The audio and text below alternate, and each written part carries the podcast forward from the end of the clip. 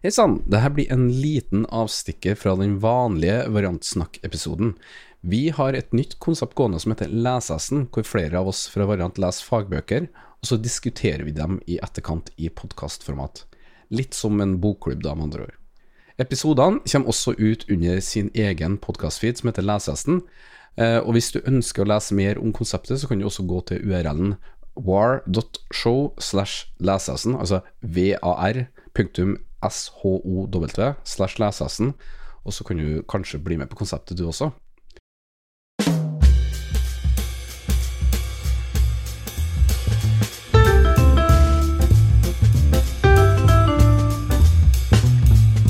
Lesehesten, podkasten hvor vi leser tekniske bøker slik at du ikke må, men vil.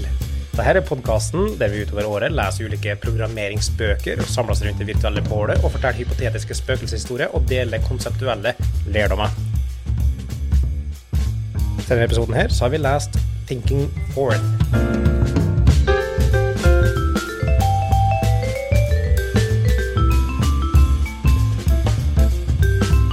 Ja, vi er noe redusert i dagens panel, men like så fremt stiller vi start. Eh, og skal vi ta en liten runde rundt bordet, og da tar vi han som har mest mat i muren.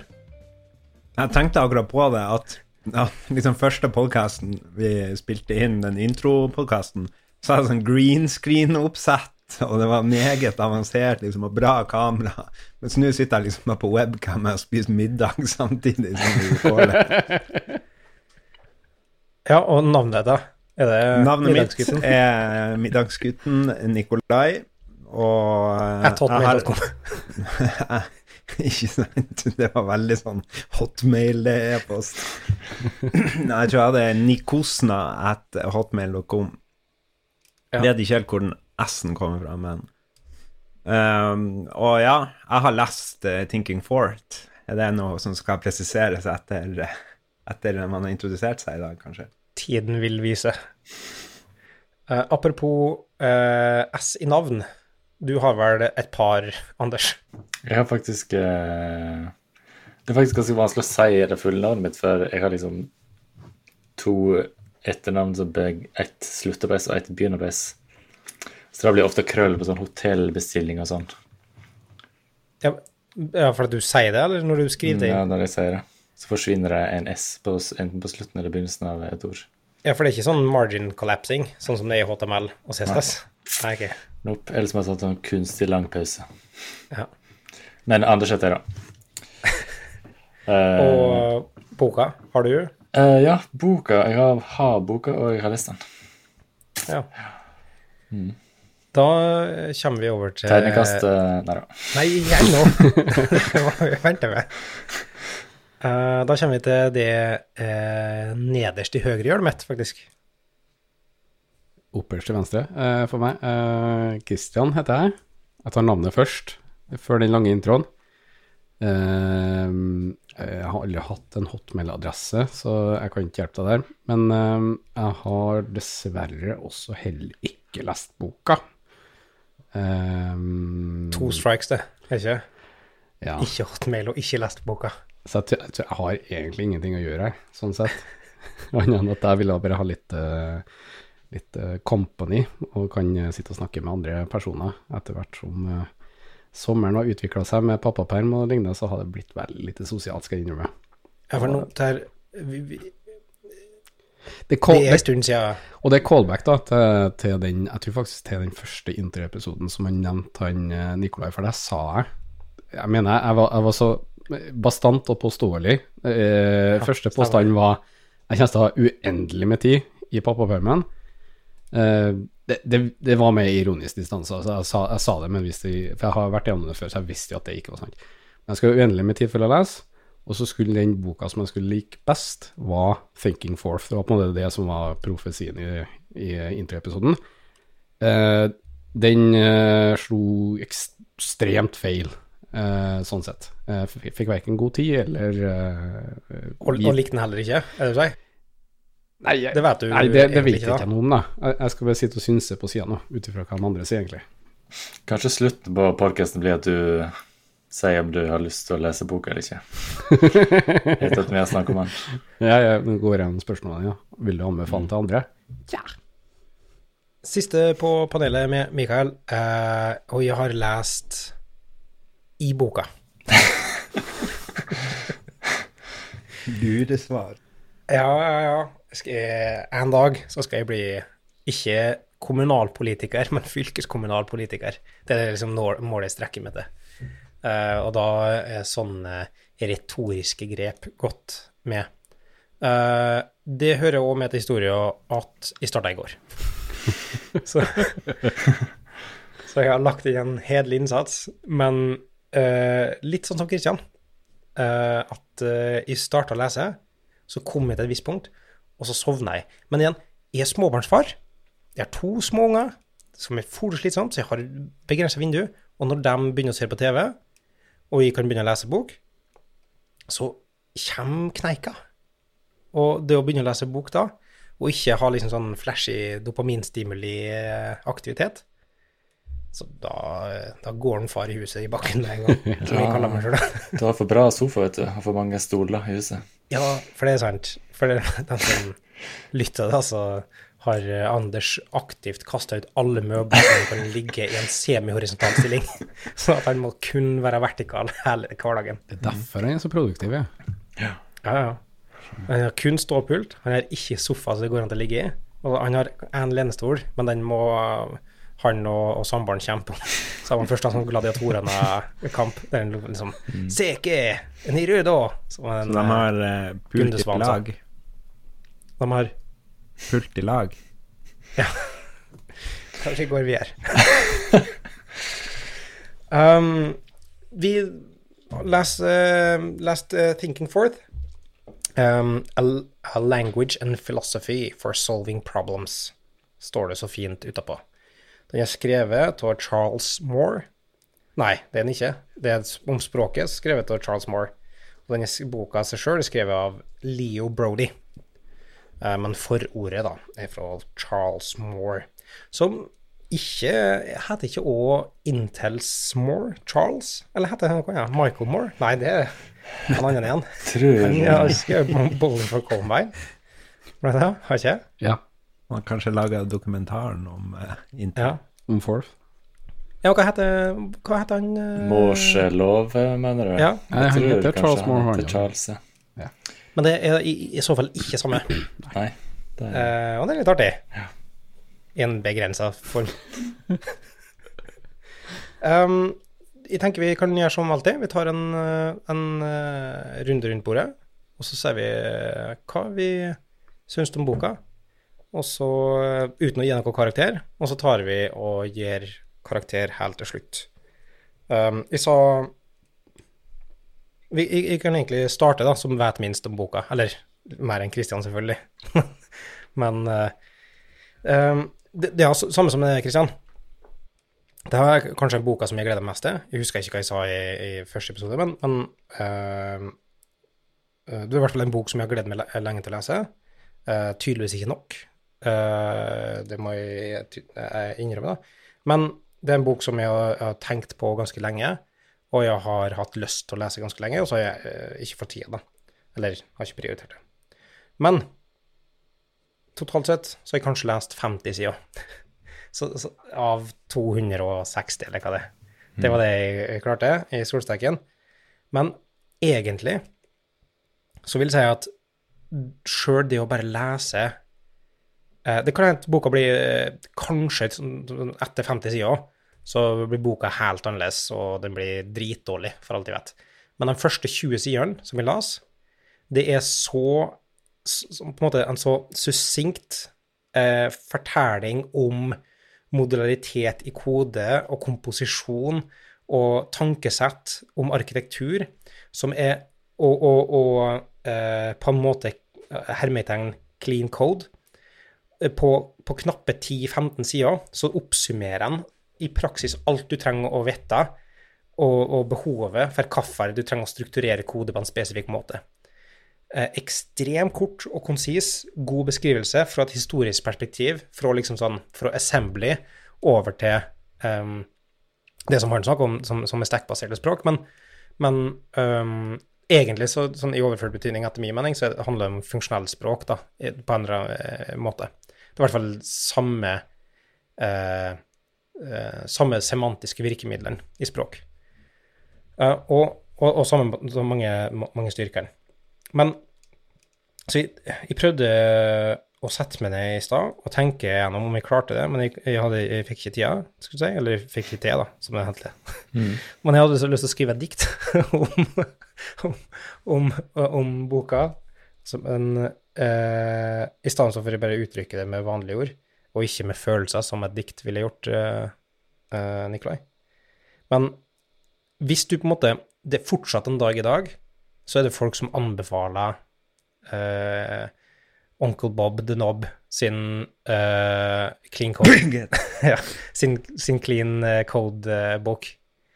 Men jeg mener at hvis du leser bare den første siden, første 20 sidene av denne boka her, så dekker den bedre eh, om behovet til clean code og strukturering til kode enn det den dogmatiske clean code-boka gjør i løpet av sin 200 skiver, eller hva det er for noe. Ja.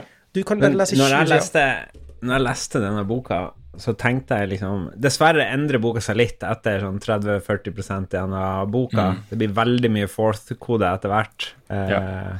Veldig mye page skipping for min del når det kom til, til de sidene. Men den tar seg litt opp igjen mm. mot, mot, slutten. Mm.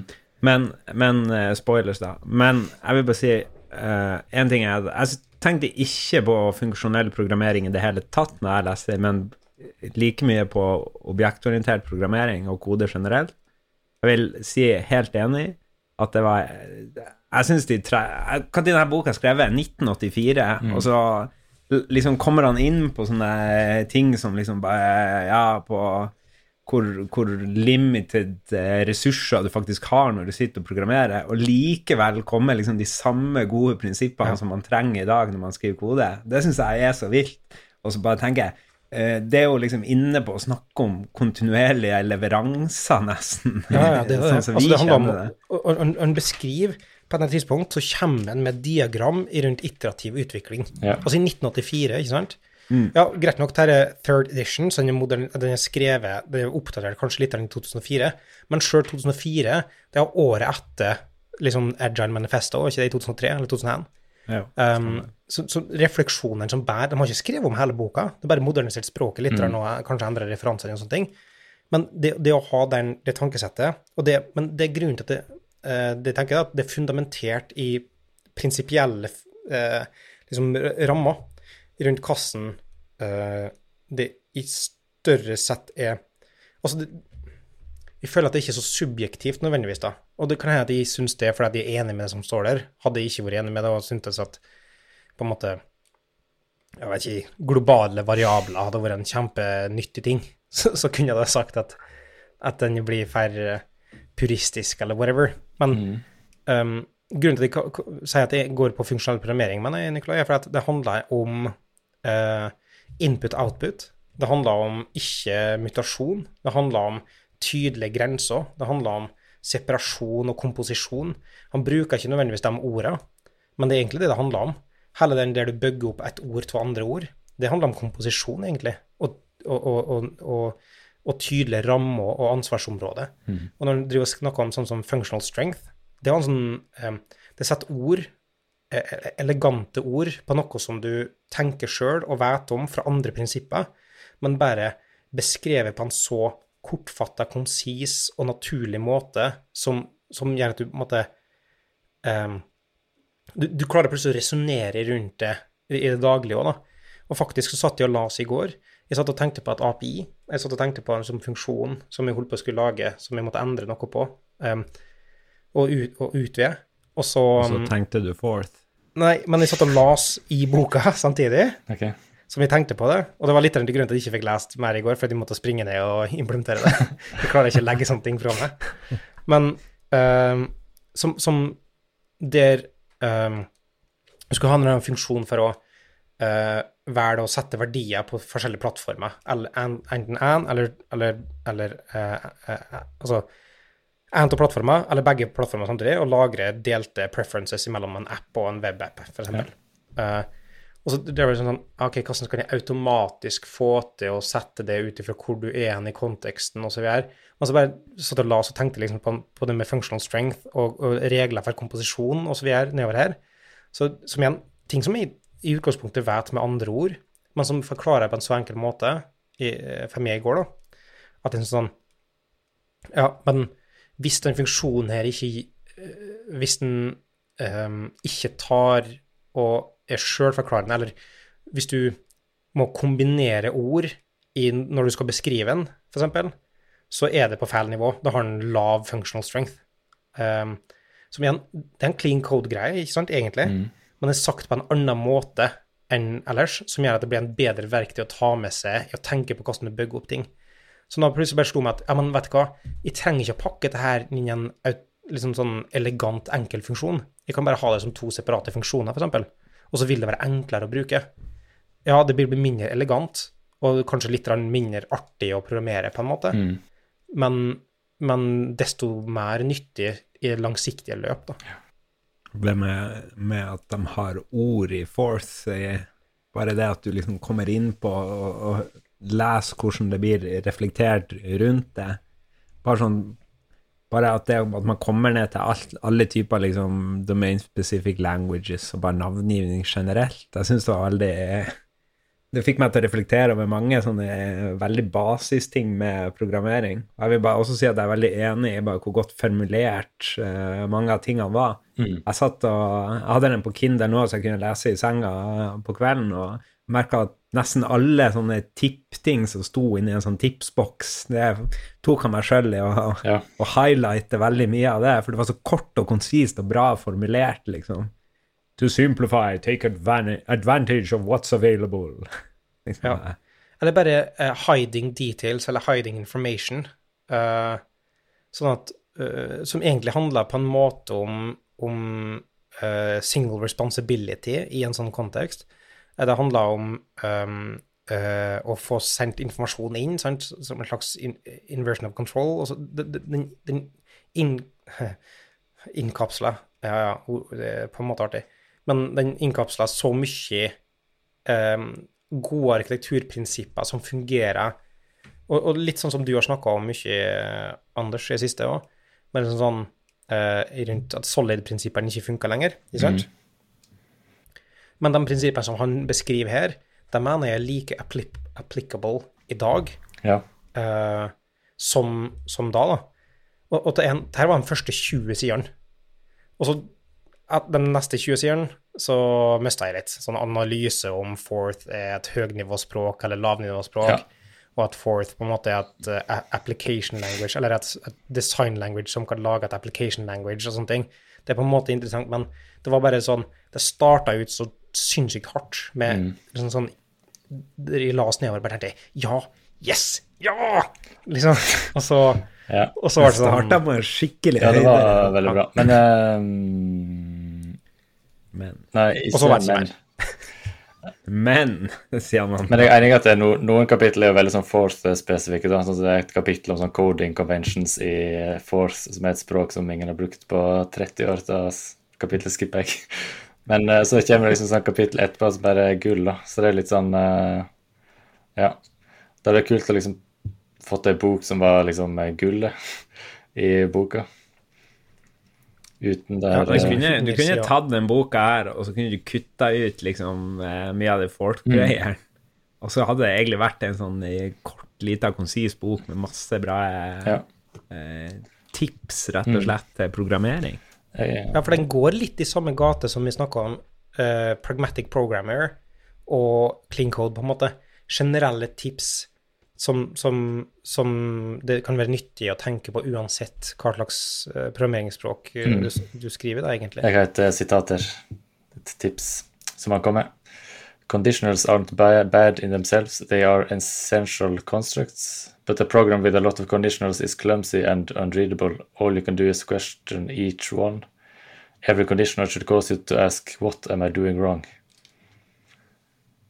Som er egentlig sånn kjempebra tips uansett hva slags programmeringsspråk Ja, og, og, Jeg endte jo opp med å, å tweete noe fra en bok for første gang i mitt liv. Fordi at det var en sånn Jeg tok dem opp her nå. Given two adequate solutions, the correct one is the simpler. Ja. Det, var så, det syns jeg er gull. Men det er bare sånn Du merker Det det, det er sånne ting som jeg liker så ekstremt godt. For det, det er sånn Du merker at det er en person som bare har fått en slags enlightenment på et eller annet tidspunkt, som er en sånn formulering som sitter så bra. Den, den setninga Tenk deg hvor mye erfaring og refleksjon som har kommet fram til at du klarer å uttrykke på en så elegant måte, men så Og i iterasjon. Han har sikkert, iterasjon. eh, sikkert hatt de tipsene liggende Ja. der. Og så fått gått over igjen. Og så klart å få uh, kommunisert såpass udogmatisk. altså Det er veldig sånn lett tone i hele boka. Det er veldig sånn, det er ingen sånn uh, Ingen referanse til eh, Haskell Curry og Mr. Livskov og den gjengen der. Dette han ville ha med fra meg. En referanse til Little Schemer. den kom. Jeg vil bare si at det var langt flere folk som deltok i episoden om Little Schemer. Det kan være at vi skremte vekk mesteparten, og nå er vi her. Men vi kan vi Kanskje vi skal begynne neste sesong med noe litt mer eh, lettlest. Ta den enkleste boka først. Det føler vi har vi, Nå føler jeg liksom vi, vi har begynt kanskje litt i fortida, bevege oss litt framover, som kan gi mening. Men Det er en av de ja. beste Christopher Nolan-filmene, da. Memento. Og den starta da med slutten. Bra. Vi kommer til den Men- delen av podkastepisoden hvor vi begynner å ha filmreferanser. Det er mye bra, vet du. Ja. Alle gode podkast har filmreferanser. Men men dere er enige med de første 20 sidene? Og så da slutta jeg min eh, kunnskap om boka, men bare det Altså, jeg mener at bare les de første 20 sidene, så er boka betalt for seg sjøl, da. Nesten. Og alt som er Ja, derfra, er bare bonus. Jeg er enig. Men jeg hadde mange sånne notater fra slutten, da. Så det kan liksom være verdt å liksom Ja, kanskje ikke nilese hele boka, liksom, men liksom se Vet ikke jeg. Det er noen kapittel på slutten som handler om sånn analyse og requirements og sånn, som er ganske nyttig. For jeg kom til de og syntes òg de var kjempebra, og da var jeg liksom glad at jeg ikke bare Men jeg merka sånn fra liksom den midterste Ja. tredjedelen av boka, da skipper jeg veldig mye. Der er veldig mye Fourth-kode. implement- Det Ett kapittel er bare implementering av ei løsning i Fourth, eh, og da blir det litt sånn eh, Hvor mye tid skal jeg bruke på å sette meg inn og forstå Fourth, bare for å forstå hvordan man implementerer prinsipp som Ja. Det syns jeg var litt sånn Det satt langt inne. Ja, men det er litt sånn uh, Sorry, Kristian. Ja, jeg, jeg, jeg kan eh, stille spørsmål i og med at jeg ikke har lest Mm. boka, men eh, er det språket i seg selv, er det, er det ting derfra som det går an å ta over, annet enn de, de nuggetsene som dere snakker om med conditionals og så, så andre konsepter, er det ting fra språket som er interessant å ta over, eller, eller er det bare å skippe over det? Ja, det var det jeg skulle si, da. Altså, jeg har liksom lest ei bok om Fort, men jeg klarer ikke å forklare hva Force er, eller liksom hvordan jeg skulle en gang begynt å skrive Force, hvor Det har jeg ikke litt peiling på engang. Mm. Det er liksom sånne words, sant, og det er liksom sånn Jeg vet ikke, er det en funksjon, eller er det liksom en variabel? For det ligner liksom Det er ganske sånn nærme assembly-kode, på en måte. Men liksom, ja. Men det er jo litt spennende, da, fordi jeg har jo lest denne boka nå, 'Thinking Forth', men jeg har aldri lest noen annen bok om Forth. Så det er jo litt artig å bare forklare mitt inntrykk av Force fra et veldig sånn uh, overordna perspektiv.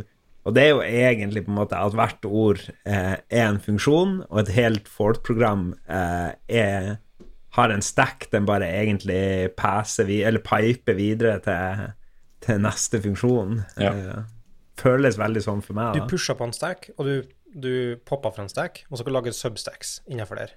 Sånn at du kommuniserer f.eks. ikke terminforståelse etter 20 sider. ja.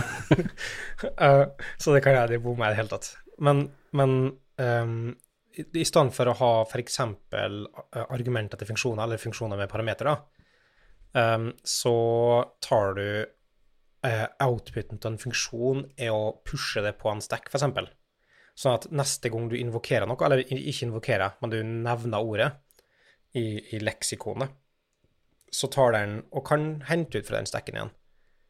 Um, så det er en helt annen måte å tenke på, men plutselig da så uh, Og det er i hvert fall ikke på en måte nødvendigvis tilstandslaust, på, et, på en måte, men samtidig så er det automatisk og tilstandslaust, på et vis. altså, for det har i aller høyeste grad en tilstand, men tilstanden er eksternt fra det du er, og den du opererer på, på, på operasjoner på en stack som du kan egentlig løsrive fra eh, Løsrive fra den globale totale tilstand, hvis det gir mening. Ja. For det handler kun om operasjoner på den stacken. Det er fascinerende opplegg på en måte. Veldig fascinerende. Og han snakker jo om sånn um, Han bruker ikke begrepet pure functions, da, men det er da han mener. At en må skrive words som ikke avhengig av state, sånn at det kan bli brukt i en uh, sånn higher level definition, da. Ja, og så uh, etablerer han eller snakka om uh, hva kaller det input-output chart, eller et eller annet Mm. sånt der, som i praksis er en slags Og igjen, i, i, i um, Nikolai la seg ikke på den måten i det hele tatt, men, men for min del så var det liksom sånn som at det var en um, eh, Hva skal jeg kalle det? Et funksjonelt UML-chart, på en måte. UML bare med, med Ikke, ikke flowchart, ikke, ikke direkte UML, men uh, input-output, komponenthierarki av funksjonelle, pure Mm. funksjoner og komponenter. Ja. Uh, og, og det er en interessant tanke i seg sjøl, for den snakker mye om top down design, uh, og at hvordan det kan være skadelig, som er en, en nyttig, nyttige refleksjoner i det daglige. Da. Ja. En sånn ting han sier i boka, er at uh, Forst ikke er det ultimate språket. Men at hvis et ultimat språk finnes, så kommer det til å ligne på Forst, da. Eller ligne mer på Forst enn de andre språkene som finnes i Der kom der kom han. Det var nok er ikke noe. i det hele tatt. Ja, men det er litt sånn artig å lese så Men gammel jeg tenker når, når noen sier at når noen sier at sitt eget språk, det språket de liksom skriver bok om, ikke er det ultimate språket Vi trenger flere sånne i 2022. Ja, det er jeg enig i. Ja, men det, det handler om Jeg vet ikke. Det kan jeg de overdrive, liksom glorifisere det, men, men jeg føler at det handler om eh, empiri og vitenskap i større grad. Altså, det er ikke, det er ikke liksom sånn Det er ikke så det, hva, skal, hva skal jeg si? Det er ikke så salgsorientert. Mm. Det, det, det føles ikke ut som boka har en baktanke, på en måte. Nei. Nei, absolutt ikke. Nå er det veldig sånn lett og ledig, og sånn Han har ganske sånn sjølironi på ting. Så sånn han sier liksom at uh, hvis noen kommer og presenterer ni paradigme, eller sånn ni uh, faser av programmering, så er han en uh, tulling. Og det er sånn introen til kapittelet hans om the nine, fa nine phases of the programming cycle. Så det er sånn ganske artig at det liksom sier litt sånn Ja, det her er, det er sånn på kanten å komme med sånn eh, the nine defini, sant. Her kommer de ni fasene av eh, programmering. Men han prøver seg nå likevel, da. Men det er sånn Jeg syns det er en ganske sånn eh, god måte å kommunisere på, for da skjønner du at det liksom er At det er bare noen tanker og noen kanskje prinsipper kan ta med seg, men ikke noen sånn dogmatisk sannhet han prøver å presentere. Det er utrolig deilig at eh, jeg kan lese noe i den boka som jeg kanskje ikke helt forstår, og så kommer neste paragraf, og så bare har han på en måte bare antatt at ja, dette har jeg kanskje skjønt fordi at jeg har tenkt og reflektert mye på det, og så forklarer han det på den måten som gjør at jeg forsto det jeg lurte på etter forrige paragraf. Da. Det er en veldig sånn god pedagogisk bok, da, i stedet for at det står på liksom høyremargen liksom No, you idiot. That's wrong. Du vil ha meg Alle referanser til andre episoder. Eh, Men, men det, akkurat det Anders sa der, med liksom at det er noen som har liksom bare oh, jeg syns det her er dritkult, og jeg, jeg tror jeg er on to something. Jeg må skrive ei bok om det. liksom. Sånn, Det er viben jeg får av denne boka. Jeg, les, jeg leste jo eh, pre-facen tre ganger, tror jeg, og samme, samme effekt som eh, Mikael. Jeg, la meg ved senga og skulle lese det, og så sovna jeg, og så gikk det en dag, og så startet på nytt, for jeg huska ikke hvor i boka jeg var. Men eh, det inntrykket jeg fikk derfra, var jo i og med at eh, den har blitt oppdatert flere ganger, var at den begynte å snakke om litt sånn eh, nyvinninger i språk. Og den snakka om f.eks. Java og C-sharp, og sammenligna objektorienterte språk der. og eh, Jeg skjønte ikke helt argumentet først, liksom, rundt eh, hvordan de mente at de var bygd opp, og at det var litt sånn, litt sånn handwavy rundt det med objektorienterte språk, og hvordan det danna mer komplekse strukturer osv. Så, videre, og så, videre. så jeg skjønte jo ikke helt greia før begynte å flippe litt videre og begynte å se på språket. da, Jeg har sett litt på, på det. Um, og snakke med, om stack machines osv. Og, så og det, det jeg syns er litt morsomt, da, på én side så har jo Hvis en ser på nyvinninga, spesielt i C-sharp, så har jo det bare blitt min, mer og mer strippa ned i strukturene du kan bruke. Sånn records har begynt å komme inn nå. Eh, top level eh, invocation av ting. Liksom det, det er blitt bare mer og mer strippa ned. Som ikke, mm. Det begynner jo å ligne på Forth, det er ikke det jeg mener, men mye av de uh, I hvert fall det jeg så på som sånn handwavy kritikk i starten, den, den, den merkes at kanskje det har blitt en evolusjon, at vi er der i evolusjonssyklusen med de språkene, at faktisk det, det, det er noe i det. Det syns jeg er litt morsomt eh, å reflektere over. Tror du ikke at eh, mye av det kommer av at han liksom Litt sånn deklarativ versus imperativ programmering, da? At jeg tror ikke liksom C-sharp og Java, det er jo egentlig alt som Fort I hvert fall på den tida. Ikke da, når ja. det kommer til akkurat det. I hvert fall i 2003, når C-sharp var kom ikke i 2003? Ja, jeg tror 2002 eller noe sånt. Mm. Jo. Uh, og, og, Java da har eksistert for så vidt, mm. men uh, fram til jeg tror det var i fjor, så var det Java stått stå stille. Mm. Så, sånn at um, På den tida som evaluerer det, altså. Så, men, men, det er interessant det du sier, Kristian, du sier sånn at de stripp, stripper ned. Men samtidig så er, er det egentlig ikke stripp, nedstripping. For de har fortsatt den gamle funksjonen. Så egentlig så er det en utvidelse men i utvidelsen lar det skrive en nedstrippa versjon, syntaksmessig. Ja, ja, ja. Um, og, og, det er kanskje ikke nødvendigvis det samme, for du ivaretar den fullverdige semantikken i hele språket, men du har syntaktisk sukker på ulike områder som gjør at du fragmenterer språket en del. Ja, det, det er en lurendreier også, egentlig. For det, um, bruks, det, det, som trakk meg mot boka, det som jeg syntes var kult, var Oi, shit, her er noe som faktisk det, De brukte på den der En sånn bootloader som jeg bruker på f.eks. på en tror han um, det var en, eh, en satellittanslag eller noe sånt, tror jeg. I hvert fall et, mm. et eller annet som har blitt sendt opp i verdensrommet. Det syns jeg er kult. Bare det i seg selv er kult, og her er et språk som spesifikt Java, Javascript òg, da? Ja, ja, ja, ja, men uh, jeg tror Forth var kanskje litt tidligere. men, men det, når en leser liksom om, om, stack machines og hvordan det funker, så er mye av poenget med, med Forth er jo at det skal være veldig nedstrippa, versus C-sharp, hvor du må ha en helt egen sånn execution environment som er seg selv veldig tungt. Eh, mm.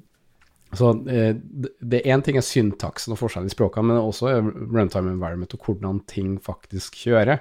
Der det virker som Forth tenderer veldig mot eh, både lavnivå, men også at det skal være veldig kompakt. Det er en interessant diskusjon du tar opp, for akkurat der så er du inne på den lille delen av boka jeg har lest. og den snakka om nettopp det med sånn er, er Forth lavnivå eller Forth eh, høgnivå, og liksom to leirer som, som eh, eh, krangler, på en måte. De som er høgnivåfolk, de mener at det er lavnivå, og så vice versa. Men argumentet den gjør i utgangspunktet, er at ja, det lar det skrive ting performant. Det lar det gjøre det. Det gjør ikke automatisk at du gjør det, men det lar det kunne gjøre det. Uh, samtidig også er det ikke et språk der du implementerer nødvendigvis store applikasjoner i. Sånn? Uh, men det er et uh, språk som gjør at du kan skrive application languages i det. Altså du kan skrive i praksis DSL-er, da, sånn som vi tolker det. Mm. Så du, du, kan lage din egen Eh, pakke som gjør at du kan skrive applikasjoner på toppen derifra. Og så gjør nå saken rundt performance da, at um, eh, det var eh, ti ganger altså Jeg, jeg har sin estimat uten noen referanser, for så vidt, men ti ganger raskere enn basic, til tross for at det var bytecode eh, og eh, interpreted language. Så, så, den, ikke, den, går ikke rett til maskinkode, og den, det, er, det, er, en interpreter, men likevel er den ti ganger raskere enn en basic, i altså ord. eh, men ca. 50% tregere enn Assembly.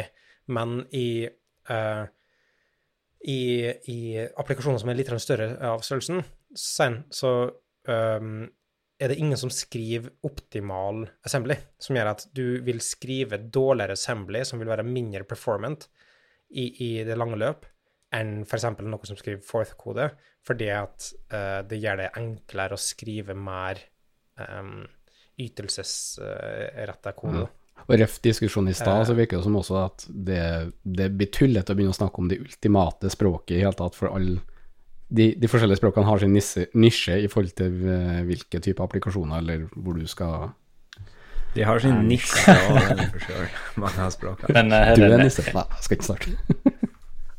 Liten tangent da, om sånn ytelsessammenligning, som han er litt ja. inne på i boka. Det, også den det kom en sånn artikkel i fjor eller noe, der noen forskere liksom sammenligna språk og så var det sånn ah, da C++ er liksom det grønneste språket, eller whatever. Ja, for grønne ja, ja, ja. Men det er mange som har snakka om det samme i år. Ja, men, men de hadde jo tatt sånn ferdig blodoptimalisert løsninger i, implementert i forskjellige språk. Og så kjørte de på en eller annen maskin, og så sammenligna resultatet derifra. Så det er jo helt sånn kunstig sammenligning. altså sånn, Det er jo ikke sånn en programmerer i den virkelige verden. Du må jo ha et enkelt språk, sånn at jeg, da, som er idiot, klarer å skrive et effektivt språk. Da hadde det gått til pieces hvis jeg hadde skrevet C++, mest sannsynlig. Som gjør at den sammenligningen er sånn relevant her, da. Ja, mot assembly og, og Forth i den, i den verden her, da. Mm. Uh, selvfølgelig kan du Altså, du kan skrive mer performance-kode i, i, i assembly-språk, på en måte, men, men, vil du gjøre det? Ja, nettopp. det blir spørsmålet. Ja. Er vi kommet dit hen at vi uh, tar en runde om anbefalinger, ikke-anbefaling og uh, karakter. Ja. Ja. Uh, karakter var terningkast? Terningkast, ja. 1 til 6. Ja, mm. så ikke terningkast. for det har vært tilfeldig, da. Å oh, ja. Christian og jeg kan gjøre det tilfeldig. ja. Nei, men uh, det blir da fort uh, I familien, da, jeg, jeg, kan ikke uttale meg, men, men anbefale boka kan jeg gjøre. Jeg kan ikke gi en terningkast, føler jeg. Men bare den sånn 20 første da, fikk meg til å tenke så mye at igjen Kjøp boka bare for å lese de 20 første sidene, på en måte, og så donere boka igjen etterpå til noen andre hvis du ikke, hvis du ikke fenger, for min del. jeg kommer til å lese boka ferdig. Uh, men, men, sannsynligvis ikke neste gang, for nå må jeg komme med på, på neste bok som vi skal lese. um, Christian, du har vel kanskje ikke så mye terningkastgrunnlag? Nei, jeg har ikke så mye jeg kan ha sagt. Um, jeg jeg syns um, som sagt my mytosen rundt det, som egentlig som fenger meg, uh, gjør det veldig interessant, men jeg har ikke noe Jeg har ikke lest den, så jeg har ikke noen sånn nuggets som man kan ta ut av den. Men eh, eh jeg syns eh, det gir motivasjon at eh, alle sammen snakker så, så, positive ord i forhold til andre bøker, at det kanskje er verdt eh, investeringa å hoppe inn her uansett. Ja, for det eneste negative Når du bare trenger å lese 20 sider, da, ja. så er det jo ganske men, men, enkelt. Liksom, du får sånn Yes, jeg trenger ikke lese hele boka engang. men, men det negative, for å oppsummere det, Nikolai og Anders, dere mener som har lest resten, er at en del av det er ikke sikkert er like relevant for dere, uh, og at da kan det bli litt langdrygt, eller? Ja, det var noen kapittel som var litt sånn uh, at jeg leste liksom Jeg har ikke tre-fire sider inn i kapittelet, og så skjønte jeg det her er jo bare masse sånn fourth-greier som jeg egentlig ikke skjønner så masse av. Og så hopper jeg bare til neste kapittel. Så det er litt sånn Hvis en liksom har bestemmer seg for å ha den innstillingen før en starter, så tror jeg det blir mye bedre. da. Så jeg prøvde liksom oppriktig å lese liksom alt. Men så måtte jeg liksom gi opp litt, for det var så Ja, jeg kan jo ikke force, da. Og det er jo ikke sånn Han går jo ikke inn for å lære folk force i den boka her, egentlig. Tvert imot refererer han jo mm. til ei anna bok og, som er sånn 'beginning forth', eller ja, som liksom er lære seg språket. Gå dit hvis du vil. Mm. Hive deg ut på det. Men uh, alt i alt, uh, Anders, uh, bok til anbefaler? Uh, ja, jeg anbefaler boka. Skal jeg gi et tegnekast, da? Da gir jeg tegnekast uh, fem, da. Fem av seks. Jeg syns det var en veldig artig bok. Ikke sånn ha-ha-artig, men uh, Men det er artig å lese. Det, det er noe Satt med vondt i magen når du Men jeg, jeg hadde ikke hørt om boka før uh, du kom med den, der, den originale bloggposten her. Uh, så jeg hadde egentlig litt, ganske få forventninger til boka sånn før jeg starta. Så var jeg sånn Ja, hva er det her, liksom? Som kanskje gjorde at jeg var litt mer negativ til forrige bok. For det hadde jeg ganske mange forventninger til. Vi er uh, Water under the ja, det er bra. Vi er ferdig med det nå. Uh, alle var enige om at det var en bra bok. Og så var det noen fåtale som syntes at uh, det, var, det er sånn jeg husker det. Uh, Nikolai? Ja, jeg anbefaler den absolutt. Veldig bra start, eh, som du sier, da, og det du har lest. liksom, Jeg skulle ønske jeg kunne lese det på nytt, for jeg sa sånn Ja, ja, og som jeg sa tidligere, for å mark highlighter i Kindlen min, så der skal de highlightene dø en sakte død. For jeg kommer aldri til å bruke den nå. Men likevel, det var liksom det at jeg liksom tar meg tid til med den kløv, eh, klønete eh, markinga på Kindlen til å faktisk lagre de highlightsene, det sier mye. Men så er jeg enig med Anders da, at det ble veldig mye sånn Nå skal vi demonstrere dette med å implementere denne løsninga i dette språket, og så ble det så veldig mye inn på liksom språkspesifikt liksom, ting. Og når jeg gikk etter starten på boka, så gikk jeg ikke inn i det med at det, det var, jeg ønska å lære meg å se hvordan dette eh, ble uh, put to work, håper jeg på å si, i, i Fort som språk. Så tror er litt samme som Anders, at jeg hadde ikke forventninger at det skulle komme. Så det, akkurat den midterste delen av boka ødela litt for meg. Men jeg er glad at jeg bare heller skippa, og så leste jeg tipsene og passa på. liksom, Går jeg glipp av noe nå? Nei. Så gikk det litt fortere. Og, for jeg var litt stressa da jeg kom til sånn 40% av boka, og så bare faen, det jeg er mye igjen. For det er så mye gull her, så det tar meg litt tid å lese fordi at jeg leser så nøye. Men så begynte jeg å skippe, og så bare plutselig var jeg på sånn 67 eh, red eller noe sånt. Og så tenkte jeg liksom bare faen, jeg er jo ferdig med boka her i morgen. Men så begynte det å komme litt mm. bra igjen, og så begynte jeg å bli sittende og lese, da. Snarere en liksom veldig fourth uh, specific middle part. Um, det er en sterk firer, vil jeg si. Men uh, ikke helt opp på fem. på grunn av det. Fireren er vel på diametral side av femmeren, er den ikke? Så det går ikke an å vippe stå imellom fire og fem på en terning, eller? Jeg tror ikke det. Er det en ren okay. firer, da? Ja, det skjønner jeg. Jeg var litt usikker. Um, det, eh, er det nok om uh, Thinking Forth, men uh, som i bokas ånd, så gjelder det å, å tenke framover. Og da skal vi tenke framover på uh, neste bok.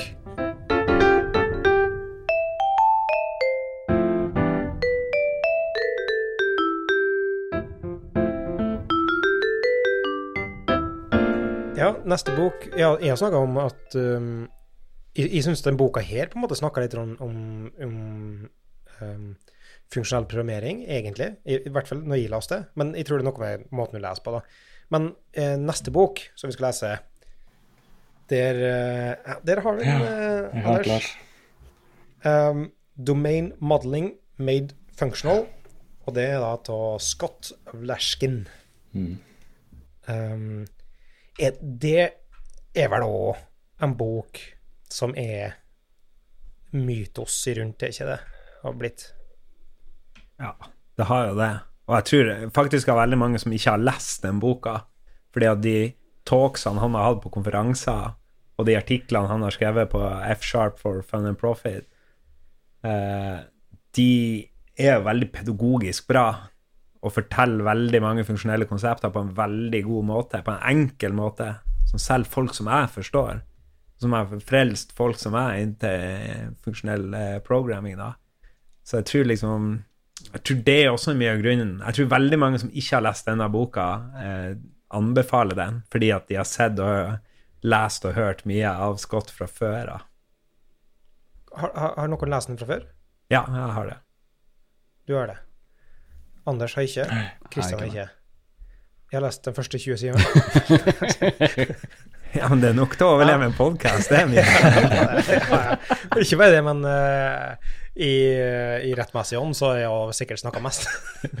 så det stoppa meg ikke med for å, for å ha meninger for det. Dunning-Kruger er noe som kaller det. Men ehm, jeg, har lest kanskje halve boka, og så har jeg uh, i i fjor sommer, og så ble det bare ting, ting, ting skjedde. Men jeg gleder meg til å lese den ferdig. Uh, det som jeg har til nå, er fenomenale saker. En, når den boka her kom i eh, Ja, den er faktisk ganske ny, men 2018. Ny, da, kanskje, i hermetegn. Men eh, Og i perioder her eh, så var det ganske mye snakk om liksom domain-driven design, og ganske tidlig. Og så har jeg følt at det har vært kanskje ikke så aktivt de siste åra, men i år så har DDD igjen skutt fart, føler jeg. Så eh, jeg mistenker at det er liksom fokuset rundt eh, domain modeling og domain-drivenhet og, og sånne ting er like relevant som det alltid kommer til å være, nei, som det, som det har vært de siste åra, og, og kanskje til og med enda mer relevant framover. Vi ser på hvordan vi skal få til liksom DDD og domenemodellering på en god måte i andre ikke-funksjonelle språk, på en måte. Og så, så, så jeg tror det kommer til å bli Det er eh, nok en god bok som er full av eh, gode refleksjoner. Men det må jo nevnes at det er Sånn som jeg husker, jeg leste den jo, og det, jeg preordra den faktisk, og leste en sånn eh, early access-versjon av den. Jeg var helt Jeg var så F-sharp på den tida. Men det, det som er deilig med den, er jo at den er jo ikke sånn purist DDD heller, med liksom Her skal du ha en uh, aggregate root, og så skal du Ikke sant? Den er en veldig sånn liksom Ja. Ja, det er viktig å si det òg, sånn at ikke folk blir skremt av DDD. Mm. Ja, og, og, og det er ikke Altså, det er en, en F-sharp-bok, men litt sånn som Thinking Forth, så er det ikke en F-sharp-bok, på en måte. Eh, det, det finnes kjempemye kunnskap å, på, eh, å, å ekstrapolere eh, inni her. Det står vel i innledningen at du ikke trenger å kunne F-sharp for å lese boka. Men det er en kjempefordel hvis du kan beste. Jeg, jeg vet om en sånn videoserie på YouTube man kan se hvis man er Ja, interessert. det er 17 pars videoserie. da. Det, er- Ja. Den er fenomenal. Kodesnytt.io. Ja. Jo, jeg glemte mitt eget domene. Ja, det er bra Nikolai har kontroll. Eh, folk gira. Tommel opp, tommel ned. Jeg er veldig gira på den her, altså. Supergira, skal jeg telle. Jeg har vært på eh, flere talks med en uh, og Jeg, jeg følger han på Twitter. Han er en sånn kjempe i miljøet. Men jeg føler kanskje også litt undervurdert. Jeg vet ikke. Altså, ikke undervurdert, men ikke Han, han har ikke seg. Nei, han gjør ikke så mye av seg. Det er kanskje, kanskje en bra forklaring på. For han, jeg føler han, han burde få mer plass enn det han tar sjøl, kanskje. Um, jeg er totalfrelst av, av de talksene jeg har vært på. Ikke lest uh, 20 sider av boka her engang, så jeg, har ikke, jeg kan ikke eh, snakke vagt om det i en podkastepisode engang. Men um, den eh, Hei, hei, hei. Er. Beklager. Men uh, um, jeg husker på Jeg har, jeg har vært på Talksman, og jeg har tenkt flere ganger Jeg er ikke en sånn em, Jeg har dere litt med F-sharp uh, på hobbybasis, uh, og workshops og sånn som men ikke skrevet det ute hos kunder eller andre ting. Men jeg har tenkt flere ganger når jeg har vært på sånn Talksman, uh, Scott Flasken, Shit, jeg skulle ønske språkene som jeg bruker til det daglige, har gjort det her like enkelt som det ser ut som han gjør det i F-sharp. Um, Mm. så det jeg gleder meg til kanskje mest, er å se det mer i detalj, uh, mer i dybden enn jeg sitter på taksene, og kanskje det går an å liksom dra med de konseptene videre i andre språk som, um, som jeg sikkert bruker mer enn F-sharp, selv om jeg gjerne skulle ha gjort mer profesjonell F-sharp. Ja, men i C-sharp uh, 19 så er vi der, Kristian. da er vi stack-based også, så da er vi Ja, da er vi good. Jeg er så, jeg er så frelst av de her tingene at jeg har jo jobba profesjonelt med F-sharp hos tre forskjellige kunder, store kunder, og også offentlige kunder jeg har vært hos. Og det er fordi jeg har introdusert det, og alltid har det blitt råbra løsninger, som har løst forretningsbehovet på liksom en elegant og enkel måte. Bare ja, Vi kunne hatt en egen podkast om det. Men det var ikke det jeg skulle si. Jeg sa Mikael skulle komme med en snappy comment, så vi bare avslutter den der. Jeg vil bare si at jeg har aldri vært så starstruck i mitt liv som når eh, han Scott her eh, Han tweeta ut link, lenke til min talk på NDC og sa at det var en liksom elegant og bra måte å gjøre ting på. Husker jeg, den der. Skal få den tweeten tatovert. Ja, det må jo pinadø jeg. Den er god. QR-kode, liksom, det på biceps. ja, QR-kode til tweet. Tweet. Ja, den er Det er var eldes bra. den ID-en til tweeten, liksom. Tallet. Ja, den er, den er god. Eller så kan du ha strekkode bak i nakken, Ja. og så kan du bli skalla. eh, Og så begynner du å drepe folk. det og gå i- dress. dress. Hva du gjør på fritida di, Kristian, det vet jeg ikke. Men uh... Jeg hadde ikke tid til å lese Thinking Fourth, i hvert fall. Nei, for du var opptatt med å spille Hitman. Jeg så for meg noen nå som gikk med sånn F-sharp eh, i nakken og assassinata C-sharp-kodebasser. Bytta de. Eh, null, sa du. Nå er du et null. Altså, ja, jeg vet ikke. Etter en ordspiller. Eh, var ikke særlig bra. Eh, men det som kanskje er bra, er at vi avslutter episoden her. Eh, og som Christian sa, eh, Scott Aulaskin burde hatt fått mer plass. Og da er vi spent på å gi en mer plass i neste episode, når vi skal snakke da om domain modeling made functional. Eh, kolon pragmatic programmers står det på Adlibris, hvis du har lyst til å søke opp. Og, og kjøpe den til neste gang. Um, jeg har ikke ferdig med akkurat nå når vi skal spille inn denne episoden. Uh, jo da, det er 4. juli. 4. juli! Ligger vi så langt etter? Yes. Det, det er fire Ja, dager så- fra innspillingsdato nå. Ja. Eh, og sikkert eh, Det er sikkert dagen dager- denne kommer ut, da. Ja, kanskje. uh, så det blir nok litt utsatt, uh, men, uh, men følg med. Det kommer nok til å bli bra. Eh, og minst like bra som denne episoden her. Kanskje til og med med flere som har lest boka. Det Er noe noen som har lyst til uh, avsluttende ord? Det går jo an til å nevne da at denne episoden kommer ut, altså den vi spiller inn nå, eh, når du sitter og hører på denne, da er det 17. mai i morgen. Den da kommer ut 16. mai, det blir bra. Ja, jeg gleder meg til 17. mai i år. Jeg håper det blir finvær. Må bare late som vi glemte å release. Den ble 16. mai. Vi er en route. Uh, calm down. Som vi har lært i uh, boka 'Thinking Forth', så vil aldri vi kunne få rett på første forsøk. Og det handler om å tilpasse seg. Og det har vi gjort her. Uh, og det er viktig for utviklere, og det er viktig for podkastinnspillere. Uh, har noen skrevet ned et sitat til fra boka som vi kan avslutte med? Start simple, get it running.